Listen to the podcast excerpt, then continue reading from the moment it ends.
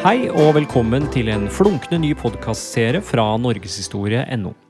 Jeg heter Anders Brenna og skal over de neste ukene lede dere gjennom en rekke episoder om klima- og miljøproblematikk opp gjennom tidene. Vi starter det hele med et lite dypdykk ned i det norske miljøengasjementets historie. Klima er brennet stoff om dagen, og Greta Thunberg ble nettopp kåret til Time Person of the Year for 2019. Men hun er ikke den første aktivisten til å oppnå førstesidestatus, og i denne episoden skal vi derfor se nærmere på fortidens miljøkjendiser. Og vi spør hva kan dagens unge og lovende lære fra sine ivrige forgjengere? Med meg for å drøfte dette har jeg førsteamanuensis i historie Sunniva Eng fra Universitetet i Oslo, og Jørgen Randers, professor emeritus i klimastrategi ved Handelshøyskolen BI. Velkommen eh, til dere. Tusen takk. Jørgen, eh, du må kunne sies å være et slags tidsvitne til eh, den norske miljøhistorien. Når vil du si at miljøbevegelsen oppsto i Norge, og hva var din rolle oppi, oppi det hele? Miljøbevegelsen i Norge, som jeg ser det, opptrådte omtrent midt på 1960-tallet begynnelsen av 60-tallet, slutten av 60-tallet, og var på mange måter sentrert rundt tilbake til naturen, fjellklatringen, Arne Næss, Setrang eh, og den typen folk, som, som eh, spilte inn i da, den raske industrialiseringen som da skjedde gjennom 60-tallet og ødela naturen og fossefallene og, og sånt noe. Og som så begynte å føle på de vanskelige gniss i samfunnet, forbrukersamfunnet og drømmen om å være nepalsk fjellbonde istedenfor å være ansatt professor på eh, Blindern osv. Så, videre. så jeg vil si at dette er omtrent 60-tallet. Min rolle var at jeg skrev en bok sammen med mine venner da jeg var i USA, i 19, som ble, kom ut i 1972, og som het The Limits to Growth. Og som var en mer vitenskapelig basert analyse av akkurat disse emosjonelle og natur- og følelsesgreiene til Ness og Galtung og kompani. Eh, og som ble trykket i 9 millioner eksemplarer på 36 språk. Og det er godt gjort for en forskningsrapport. Og som var på mange måter ble Bibelen som lå under den store grønne globale miljøbevegelsen som så utviklet seg gjennom 70-tallet eh, og 80-tallet. Eh, hva var liksom hovedkonklusjonen i, i den rapporten? Eh, veldig enkelt så var det eh, at vi er mange mennesker på en liten klode. Vi driver og øker fotavtrykket per person veldig fort, samtidig som vi øker befolkningen veldig fort. Etter hvert så kommer man til å få problemer fordi at planeten er for liten. Og så sa vi en ting til, og det var det at, at isteden Altså, man bør huske på at i det 21. århundre så kommer miljø- og ressursspørsmål til å stå helt sentralt på dagsordenen, selv om de ikke synes i 1972.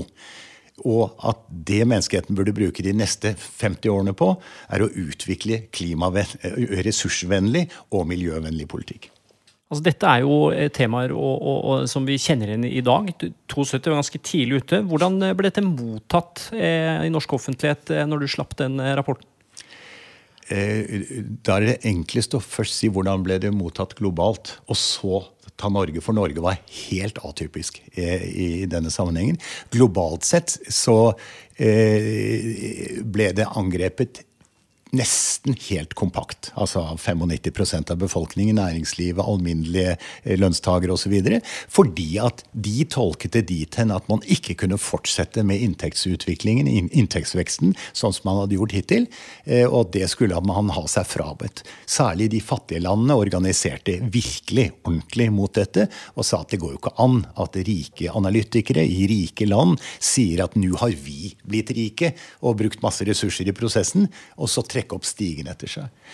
Det som skjedde i Norge, var helt annerledes. Fordi at her, eh, som Peder Anker, en annen historiker eh, ved instituttet her, har vist, så klarte da den eh, naturbevegelsen til, til Arne Næss og, og, hans etterfølgere å hva er det for noe, um, marginalisere eh, The Limits to Growth, som de oppfattet som et borgerlig eh, basert forsøk på å snakke om akkurat den samme typen. Ja, for dere var jo økonomer og sånn? Helt riktig. Ja. Altså, vi, vi, var jo ikke det, men vi ble raskt definert som det. Vi ble også definert som borgerlige, og det var jo det aller verste du kunne være på 1970-tallet eh, hvis du skulle i hele tatt ha noe å si i Norge. Jeg skjønner. Eh, Sunva, du har skrevet om en eh, svensk superstjerne som fikk veldig mye mer oppmerksomhet eh, her hjemme enn Limus Growth fikk, eh, nemlig plantefysiologen Georg Bergstrøm. Dette er et helt ukjent eh, navn for meg, og jeg tror mange med meg. Hvem i alle dager var Bergstrøm, og hva sto han for? Borgstrøm han var en svensk vitenskapsmann som ble en veldig viktig formidler av kunnskap om befolkningsvekst, ressursknapphet eh, og derfor også miljø. Jeg har begynt å lese om han fordi jeg har sett at han er litt tidligere ute enn mange andre med å snakke om eh, ressursknapphet og befolkningsvekst, og problematikken som det skaper globalt. Så eh, jeg har forsøkt å spore hvordan han formidlet sine budskap i norske medier på 50-, 60- og 70-tallet i Norge. Eh, og det som er slående, er at han hadde, hadde, veldig stor gjennomslagskraft. Mediene eh, skrev om han. Han skrev selv for mediene. Han eh, publiserte kronikker. Han fikk mye taletid på radio, og han endte opp på TV. Og han ble en veldig mye benyttet taler i politisk debatt, i samfunnsdebatt. Eh, og særlig på slutten av 60-tallet, eh, som sagt, da, så fikk han veldig mye oppmerksomhet i Norge. Og eh, var på forelesningsturneer. Bøkene hans ble oversatt. Og, ja, så en viktig figur. Hva var han mest opptatt av? Aller mest så var han engasjert i altså spørsmål som hadde med, med, nettopp forholdet mellom mat og folketall å gjøre. Så han var veldig opptatt av at Eh, når folketallet stadig økte, eh, og matproduksjonen ikke kunne holde tritt, så ville dette skape utfordringer. Eh, og han fremstilte dette veldig dramatisk. Så for eksempel da, så hadde han illustrasjoner av folkeveksten der han formet, eh, formet liksom illustrasjonene sine som en atombombesky. Så, så, han spilte på katastrofeforståelser og spilte på folks uro for, eh, for en slags kollaps eller en eh, apokalypse, omtrent. da. Eh, og han var veldig sånn tydelig på at nå hadde man knapt med tid. Det er eh, han som ble kjent for uttrykket 'klokka er fem på tolv'. Så eh, han pleide å avslutte foredragene sine med å se på klokka og si 'ja, nå har jeg snakket i en time'. I løpet av den timen har det blitt født 2400 flere mennesker enn de som har dødd i tilsvarende tidsperiode. Klokken er nå fem på tolv. Så budskapet hans var at her må virkelig noe gjøres, og tiden som er igjen for å gjøre noe, den er veldig, veldig knapp. Så, så det var essensen, altså. Han ville ha en total eh, omlegging og omkalfatring av politiske systemer. Og man måtte virkelig tenke globalt. Det holdt ikke å bare eh, tenke innenfor egne landegrenser. Så han ønsket seg drastiske tiltak, eh, som eksempel at man skulle ha et slags politisk lederskap under ledelse av FN, som skulle ha eh, makt over alle verdens land da, til å iverksette tiltak. Så man måtte ha en eh, omfordeling. Eh, og det hastet. Var veldig knapt med tid. Ja, det er en forordning som mange tar til orde for at vi fortsatt trenger. En form for internasjonal eh, regjering av noe sort. Men eh, Norge er jo et, eh, da som nå et relativt tynt befolka land. Hvorfor var, hvorfor var, man så nervøs for denne befolkningsveksten eh, sånn her? Hvorfor var oppslutningen stor på det? Ja, Det kan man jo lure på. Men, men eh, nei, Borgstrøm hadde selv reist i Latin-Amerika. Eh, blitt bekymret for utviklingen han så der. Dette var slutten av 40-tallet. Rett etter andre verdenskrig. Og han kom også i kontakt med internasjonale politiske miljøer eh, på slutten av 40-tallet. Blant annet deltok han i to FN-konferanser i 1949, som hadde til oppgave å rett og slett eh, få oversikt over verdens ressurser. Så i kjølvannet av andre verdenskrig så var det jo matmangel i flere land, også i Vest-Europa. Eh, så den opplevelsen av at det var knapphet på ressurser, den var nok eh, tett på mennesker i Europa også. Men han eh, kom i kontakt med internasjonale miljøer som jobbet med dette på globalt nivå. Um, og idet man også uh, tok inn over seg at folketallet i det som da ble kalt underutviklede land, som vi i dag kaller kanskje det globale sør, da, uh, da ble regnestykket dramatisk for Borgstrøm uh, og for internasjonale forskningsmiljøer. Så når man begynte å se disse tingene i sammenheng, på globalt nivå, eh, da, da, ble, da, ble, det et dramatisk bilde man så. Da. At før eller senere så eh, ville ressursene rett og slett ta slutt, og det ville ikke være nok mat til alle. Um, og som Borgstrøm selv sa, at altså, når millioner av sultne mennesker bokstavelig talt banker på døren og vil inn, da må vi ta grep. Uh, og han mente at uh, her ville befolkningsveksten da uh, vinne kappløpet mot eh, forsøkene på å få eh, mer matproduksjon veldig snart. Hvor tidlig ute var han med å påpeke disse tingene? Han var vel en av de tidligste ja. man har her i landet som begynner å snakke om disse tingene? ikke Jo, absolutt. Um, internasjonalt så er det Fairfield Osborne og William Vogt, som man, to amerikanske naturvernere, som man regner som eh, kanskje foregangspersoner. De publiserte to bøker på slutten av 40-tallet. Men Borgstrøm begynte aktivt å formidle dette budskapet selv på slutten av 40-tallet. Og blant annet så skrev han eh, forord til eh, Osborns bok i den svenske oversettelsen. Eh, så, og dette var mennesker han ble kjent med gjennom disse internasjonale konferansene han deltok på. Så uh, han er en uh, ensom skandinav, i hvert fall, ved å formidle disse tankene såpass tidlig. Men de var, det var også tanker som sirkulerte i amerikansk samfunnsforskning, da. Og så var, var, jo dette basert på Malthus allerede 150 år tidligere. Altså den engelske økonom og filosof. Ja, var. Som var liksom det virkelig gamle grunnlaget. Jeg synes at, at, For å forstå Borgstrøm så er det veldig nyttig å lage et raskt sammendrag av hva som skjedde etterpå. Altså Hvilken effekt hadde Borgstrøm og Erlich og de andre som da holdt på, sånn som du helt riktig beskriver, veldig aktivt på 50-tallet og 60-tallet, og med en typisk orientering mot publikum og mot de besluttende organer. Disse var jo på mange måter, i mine øyne, politikere. og det er sånn som jeg, Vitenskapsbaserte aktivister. altså Som prøvde å få til noe i virkeligheten basert på observasjoner. Og det som jo har skjedd i veldig kort setning, er at de 20 årene fra 1905 eller 25 årene fra 1945 til 1970, hvor da denne bevegelsen utviklet seg, alarmistbevegelsen som jeg da kaller dem, de har faktisk løst problemet. Den gangen så var befolkningsproblemet under full utvikling. Befolkningene vokste veldig fort fordi at man både hadde hatt tekniske utviklinger gjennom annen verdenskrig med penicillin og andre ting som senker dødeligheten, altså øker levealderen.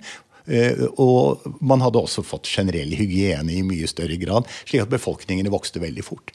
Det som så skjedde etter dette, var jo at fornuftige folk satte seg ned og stilte spørsmål om hva kan man gjøre for å løse problemet. Og svaret veldig, kom veldig fort allerede i 1975. Så var man helt enig om at det som skal til, utdanning av unge kvinner, bedre helsestell for spedbarn, og eh, eh, prevensjon. prevensjon. Mm. Ikke noe sånn drakonsk ettbarnspolitikker eller noe sånt? Nei. Det var, altså dette foreslo jo Borgstrøm, men det motsatte folk seg. Og det var jo først kineserne i 1980, altså det er jo 25 år senere, at de da satte ut i livet sin ettbarnsfamilie. Men poenget er at de tre tiltakene har jo løst problemet. For vi har ikke lenger et befolkningsproblem, selv om det er mange altså på høyresiden og, og, og uinformerte folk som mener at vi fortsatt har et befolkningsproblem.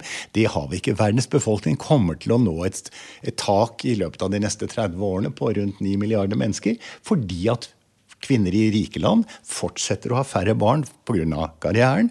Og barn, kvinner i fattige land bor jo nå i hovedsak i store slummer, hvor det er veldig uattraktivt å ha unger. Og følgelig så synker de tallene også. Så som en følge av de 20-25 årene med engasjement, så fikk man i løpet av de neste 50 årene på plass eh, politikk som gradvis har løst dette problemet. Så det er en kjempemorsomt kasus når det gjelder å få konvertert altså virkelighetsforståelse, engasjement, til policy som sakte får Men det viktige Se hvor lang tid det tar. Det er ikke slik at du kan melde deg inn i en forening en måned, og så håper du på at i løpet av neste år så vinner vi et valg, og så om to år så har vi løst problemet. Nei. Eh, Sunniva, tror du det kan være en grunn til at eh, jeg eksempel, alle har hørt om Borgstrøm? At eh, problemet løste seg nesten litt sånn på, på egen hånd? Og at det derfor liksom ikke er blitt stående som en ja, det, det, kan godt Kjendis. være. Det, det, kan godt være. Men, men jeg, jeg, jeg, tror også at en veldig viktig grunn til at han kanskje mistet litt av glansen, det var jo at Eh, for det første ble ikke befolkningseksplosjonen så problematisk som man først hadde antatt. Men det er ikke bare pga.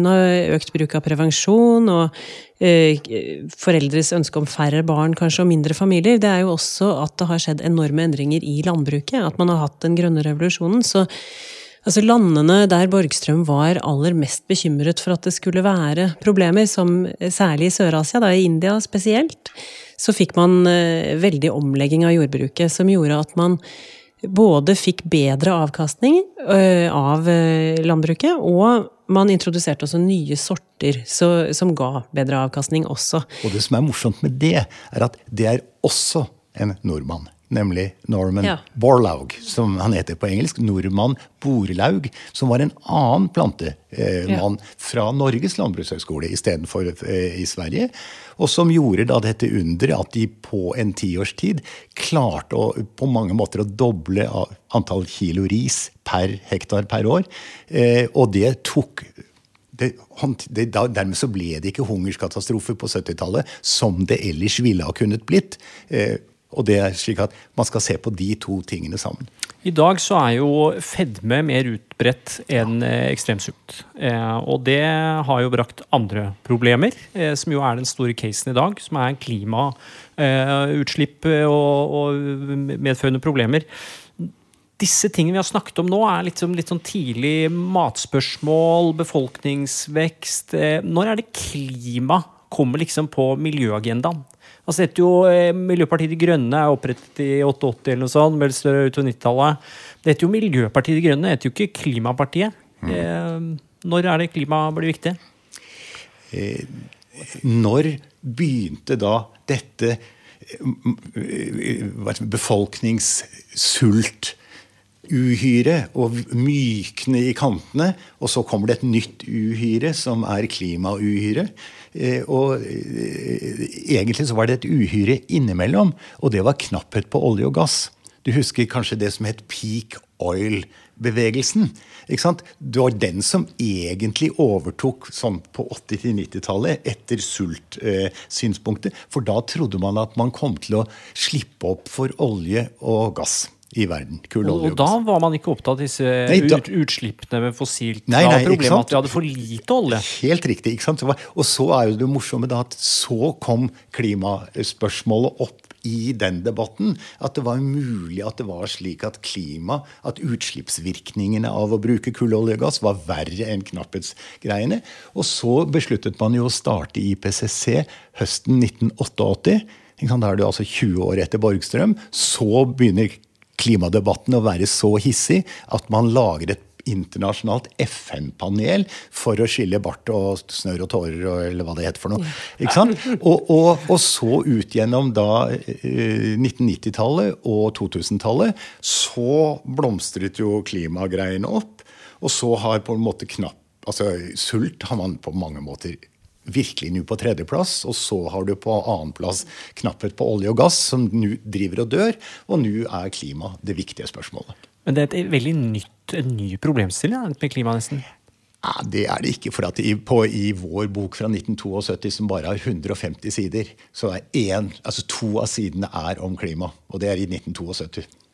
Eh, ja, jeg vil eh, være litt enig i det. at Jeg tenker at her er det noe med den globale forståelsen av, av, problemene, som egentlig er ganske gammel. Eh, men så får man eh, en mer konsentrert oppmerksomhet rundt litt sånn undertemaer til ulike tider. Eh, så da vil jeg jo mene at det går fra å være en, ja, en bekymring rundt ressurs- og befolkningsspørsmål i en global setting til å bli en bekymring rundt miljø, eh, avskoging, eh, hogst, erosjon, sånne ting. Jordkvalitet, det er også et problemområde en periode. Eh, til å bli mer om atmosfæren, CO2 og hull i himmelen-type problematikken, ozonlaget og alt det der som kom med 80-tallet. Eh, og så blir det klima igjen eh, utover 90-tallet. Så, så, det er Men, men altså en gjennomgående tråd er den globale forståelsen. Så får man noen sånne bølger med eh, ja, oppmerksomhet, ja, oppmerksomhet eller fokus rundt forskjellige sånne temaer. Da. Ja, dette er jeg veldig enig i. Det er, altså, du kan si matvaremangel som gikk over til miljø, altså sur nedbør-type greier, som så gikk om til ozonhullproblematikk, som så gikk om til peak oil en liten stund, og som så er tilbake igjen nå da på klimasiden. Altså, I dag har vi jo skolestreik for klima, men folk protesterte jo før også. og Et av de tidligste eksemplene jeg har kommet over, er Mardølaksjonen i 1970, hvor man protesterte mot kraftutbygging i Møre og Romsdal. Stemmer ikke det? Dette er helt riktig. Forsøket på å stoppe ødeleggelsen av en av de siste fantastiske elvene i Norge er vel den toneangivende hendelse i det, det, det, folkeopprøret som fant sted i 1970 mot industrialisering, mot kraftutbygging, mot veiutbygging, mot sentralisering. Og de lenket seg da fast. Og herr Arne Næss, professoren her, han fløy opp på det riktige tidspunktet og fikk seg lenket sammen med de andre. Så et av de ikoniske fotografiene her i verden er jo av den gamle mannen som da deltar med de unge og, og, og protesterer. Og bæres vekk i og lenker. Bæres, og bæres vekk i lenker, helt. Fantastisk. Hva neste ja. bølge? Er det noe på 80-tallet? Ja, jeg som ble, ja, jeg ble jo tenåring på slutten av 80-tallet. Jeg husker jo veldig godt Natur og Ungdom som en viktig organisasjon. Jeg husker Fredrik Hauge og Bellona, at de var i mediene overalt. Altså høyt og lavt. Og Greenpeaces eh, Ja. Ikke sant? Ja, Greenpeace som eh, ble viktigere og viktigere. Lenket seg i, i, i, i sånne topper og ja. Eh, prøvde å bevare hvalen. Ja. Altså, de, de ja. gjorde jo den typen stunter som egnet seg for fotografi, fotografier. Mm. Så de var jo medieorientert i veldig stor mm. Ja, ja. Jeg har jo også vært på eh, Det er jo titusener som har vært her i Norge, men vært på konsert med U2 hvor Bono ringer opp eh, daværende miljøvernminister fra scenen og sier 'Save the Whales', liksom. Og, så, så det er noe sånn slutten av 80-tallet, begynnelsen av 90-tallet som jeg i hvert fall opplevde som en slags bølge med interesse for eh, miljø og klima også, da. Så når jeg ser dagens, måte, eh, altså dagens ungdomsinteresse for det, så, så, ser jeg det jo i lys av det og tenker at å ja, det er, det er en ny bølge. Mm. Og oppfatter det ikke som genuint nytt, men, men, en ny runde. Ja, altså Klimadebatten i dag har jo fått et preg av generasjonskamp over seg, hvor de unge peker finger mot de gamle og hevder at de ikke har gjort noe og sånn. Men eh, de gamle var jo unge en gang, de også. De gikk vel, gikk vel også i tog i sin tid, gjorde de ikke det? Ja, dette er jeg veldig enig i. Altså, så du kan si, resten av den diskusjonen så er det veldig viktig at vi passer på at hovedbudskapet eh, av denne samtalen er det riktige sett fra en vitenskapsbasert aktivist som meg, nemlig at det er vanvittig viktig at folk fortsetter å engasjere seg, og fortsetter å prøve å gjøre så mye som mulig ut av engasjementet og få til så mye handling som mulig for å få ned klimautslippene. Det den nye generasjonen burde gjøre, er å gjøre det, men lære så mye som mulig, som Anders sa, av historien. Så nå eh, skal vi prøve det. Og da tror jeg det aller, aller viktigste er å stille spørsmålet Hvorfor er det slik at de fleste tidligere oppvåkninger ikke har løst problemet? Altså Georg Borgstrøms har faktisk løst problemet. Så det er et eksempel på et engasjement som iallfall i mine øyne løste problemet i løpet av 50 år. Eh, hvorfor har de andre ikke gjort det? Og da kan, La meg ta klima, siden det er det som er nærmest. Jeg er så heldig at jeg var leder for regjeringens lavutslippsutvalg fra 2005 til 2006. Vi laget en plan med 15 tiltak som ville redusert Norges klimagassutslipp innen 2050 på en ordnet måte. Og det ville koste den alminnelige nordmann 2000 kroner per år. 10 milliarder kroner i året var regningen for dette. Så brukte jeg fire år av mitt liv på å reise rundt i Norge og prøve å selge planen. Og oppdaget jo det at det var helt umulig. Det var ingen som var altså Det var 5-10% av et typisk publikum som var villig til å betale 2000 kroner i året for å løse det viktigste problemet i verden. Og da støter vi på det som jeg tror er hovedproblemet med de fleste tidligere sånne engasjementsbølger. De har ikke ledet Altså, de burde være løsningsorientert istedenfor å være problemorientert. Altså slik at Istedenfor at Borgstrøm bare snakker om at det er stor befolkning, så burde han snakket om at vi må gjøre noe med å få ned fødselstallene. Klimagreia burde ikke være en skremmekampanje om at havet stiger og at eh, biodiversiteten dør.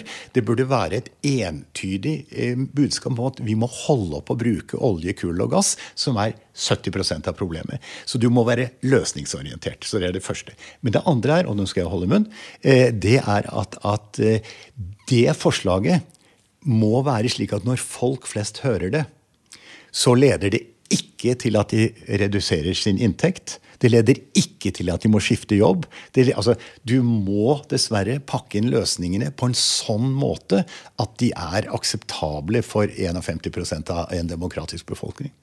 Jeg hører du sier det, men eh, du sa jo også at det var liksom, du har slitt med å få eh, bli hørt. da. Ja. Og, og, eh, Borgstrøm ble jo hørt, og han brukte et litt annet språk, dette dommedagsspråket. Har, har, du mer trua på det, Sunniva?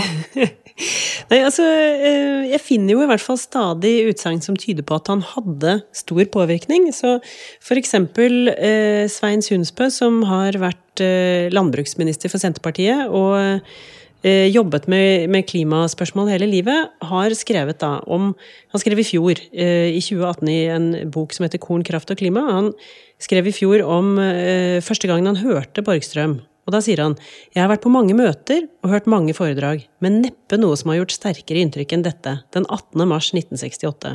Samfunnet var overfylt, og da snakker han om studentsamfunnet på Ås. Det sto folk langs veggene og i gangene. Det var stille som i graven. En åndeløs oppmerksomhet etterfulgt av stormende applaus. Og eh, Sundsbø selv har jo brukt hele karrieren sin på å jobbe med klima. Eh, og 50 år etter så skriver han altså som om dette var et vendepunkt for han. Så det er noe Borgstrøm har eh, greid. Da. Han har knekt en kode som formidler, liksom. Han har vært veldig proaktiv og en veldig god formidler.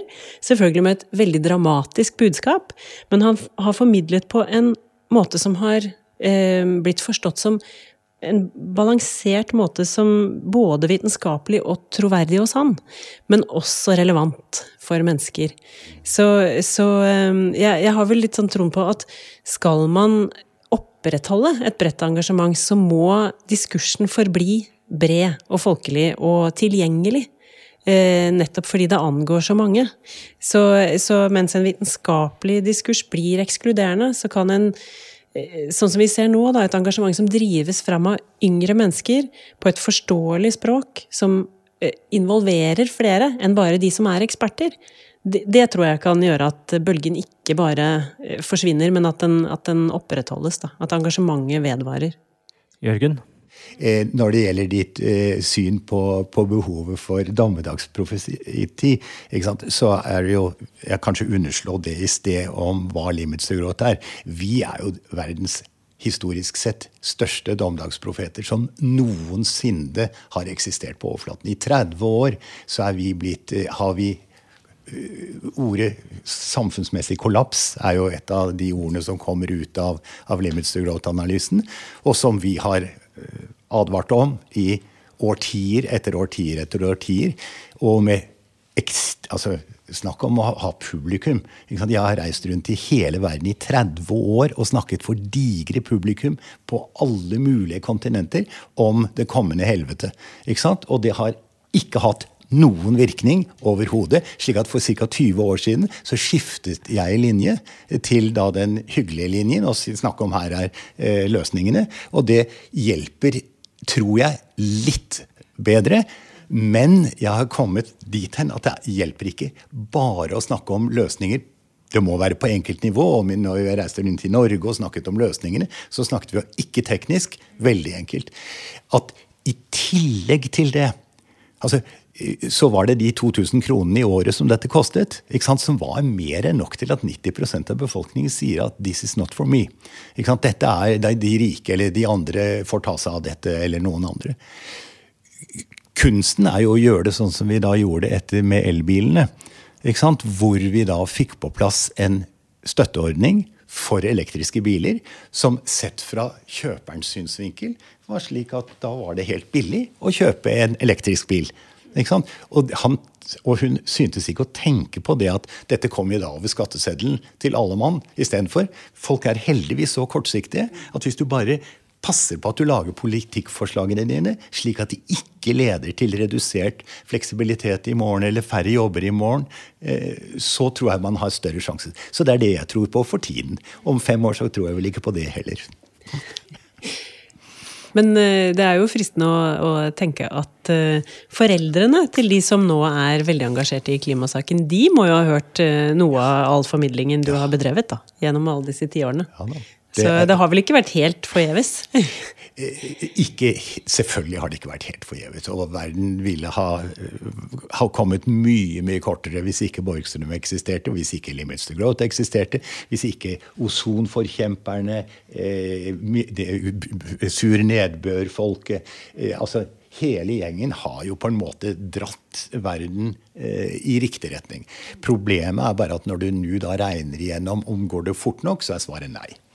Og Det er derfor Thunberg er fryktelig viktig, og det er derfor det er fryktelig viktig å få konvertert, altså få forlenget dette engasjementet. Og enda viktigere, få det konvertert til redusert bruk av kull, olje og gass. Og Da kan vi jo snakke om det i et annet program. Altså, for det er jo det eneste som spiller rolle i Norge, er å få nedlagt oljenæringen. Og du kan jo selv tenke deg hvor vanskelig det er å gjøre på en måte som ikke da skremmer vettet av alle de som jobber der, for at de skal tape inntekt. Eh, Borgstrøm holdt jo en del foredrag på universitetet og sånn. Hva, liksom hva tror du hans budskap til de unge i dag eh, ville ha vært? Oi, ja, nei, det ville nok vært mye av det samme som det var på 60-tallet. Eh, og eh, for eksempel så endte foredraget hans i eh, Det norske studentsamfunnet i Oslo i 1968 med at samfunnet selv eh, gikk sammen om en appell til regjeringen om at her måtte man ha en, en grundig omlegging av norsk politikk. Og dermed også internasjonal politikk etter hvert. Så han ville nok ment mye av det samme som han mente da, at drastiske endringer, grundige og gjennomgripende endringer, måtte komme, da. Ja, så jeg tror han ville stått for det samme budskapet i dag, jeg. Jørgen, som klimastrateg skal du få siste spørsmål der. Hva er den beste strategien for de unge og lovende? Er det sivil ulydighet og 68 hippie-livsstil, eller er det ingeniørstudier og lobbyvirksomhet og den slags? Det er eh, lobbyvirksomhet. Altså, det, det, er, det er først tenkeaktivitet. Det er å finne frem til tiltak som faktisk reduserer klimagassutslipp på kloden. Eh, og jeg kan gi dem et hint. Siden 70% av problemene kommer fra at man bruker enten kull eller olje eller gass til forbrenning eller kjemi, så bare gå etter de stedene hvor det enten produseres eller brukes kull, olje og gass. Få det forbudt, eller få det for dyrt, eller få det vekk, eller få det til å bli umoralsk, eller whatever. Eh, jeg er mye konsulent for næringslivet og har arbeidet mye i næringslivet i mitt liv. Og det jeg sier til dem, er at det er fint nok om dere prøver å redusere deres utslipp, men i de fleste tilfellene kan dere ikke gjøre det fordi det er ikke konkurransedyktig. Det er for dyrt.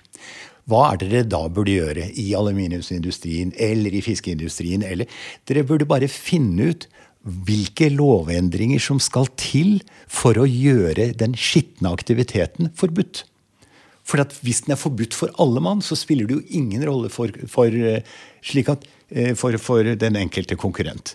Og, derfor, og det fins heldigvis et stort noe som heter The World Business Council for Sustainable Development, som er de 150 største multinasjonale bedriftene i verden, som faktisk driver med dette. Som prøver å få forandret lovgivningen slik at de forbudte tingene, uh, unnskyld, de skitne tingene blir forbudt. Og det er det jeg som ung person ville jobbet mest med, for det er der du som enkeltindivid virkelig kan bidra i politiske partier som faktisk er for å heve skattene og for å forandre lovverket, slik at det som trengs gjøres, blir det mest lønnsomme.